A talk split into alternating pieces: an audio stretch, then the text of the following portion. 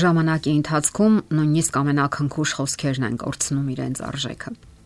Ինչպես երեխային ցույց տանք ծնողական սերը։ Ինչպես հասկացնենք, որ նրանց մտքերն ու ապրումները պակաս կարևոր չեն մեզ համար, քան արարքներն ու գործողությունները։ Իսկ դրա համար տարբեր եղանակներ ու մոտեցումներ կան։ Ջերմ գրկախառնություն,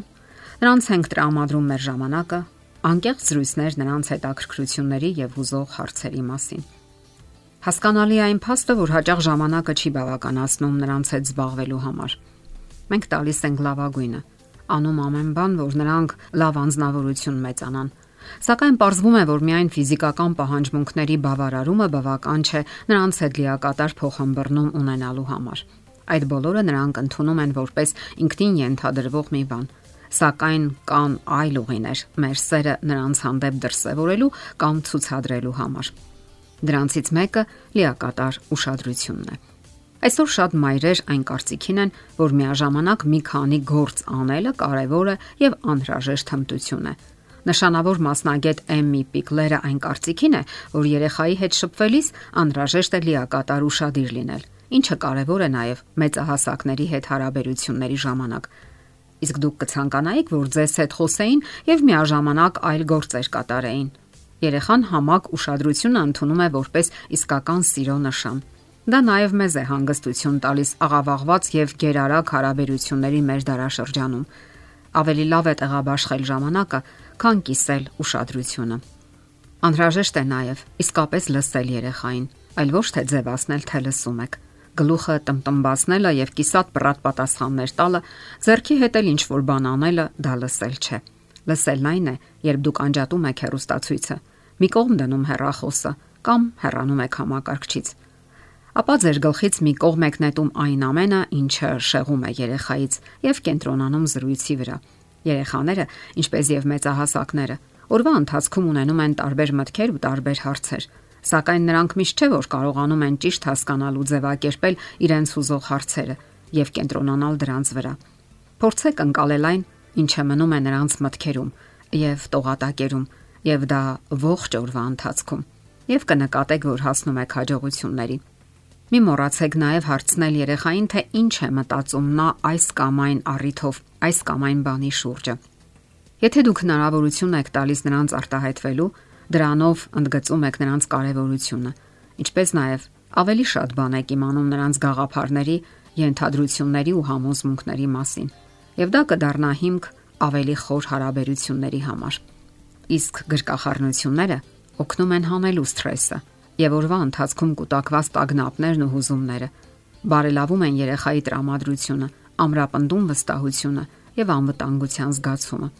Գրկելով երեխաներին դուք օգնում եք նրանց, որ ավելի մեծ վստահություն ունենան իրենց հանդեպ։ Դա սիրո իսկական դրսևորում է, ինչպես նաև լավագույն նվերը, թե ձեզ եւ թե երեխաներին։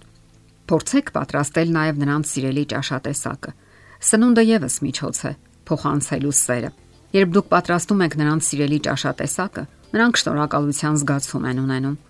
Հիշեք, ինչ ճաշատեսակներ են նրանք սիրում եւ ժամանակ առ ժամանակ անակնկալ մատուցեք նրանց։ Կազմակերպեք նաեւ խոհանոցային իսկական տոնահանդեսներ։ Եվ իհարկե մի մոռացեք, որ այդ ամենը պետք է հիմնվի առողջ կենսաձևի կանոնների հիմքի վրա, որովհետև անառողջ սնունդը նրանց լավագույն բարեկամը չէ։ Այդպես դուք նաև խոհանոցային արվեստի դասեր եք փոխանցում նրանց իսկ ընթացքում էլ հմտացեք եւ կատարելագործվեք այդ արվեստում։ Կարևորեք նաեւ համատեղ անցկացրած ժամանակի թե քանակը, թե որակը։ Խաղացեք խաղեր։ Դրանք կարող են լինել եւ շարժական, եւ մտավոր, եւ սեղանի խաղեր։ Սովորեցրեք པարս ճաշատեսակներ պատրաստել, զբոսնեք միասին։ Երբ դուք առանձնահատուկ եւ ծրագրավորված կերպով ժամանակ եք տրամադրում նրան, կարևոր ուղերձ եք հղում, որ դուք սիրում եք նրան եւ որ ձեզ համար հաճելի է երեխայի ներկայությունը։ Կարևոր է նաև ձեր կյանքը։ Սա այլ կերպ կոչվում է անznական օրինակ։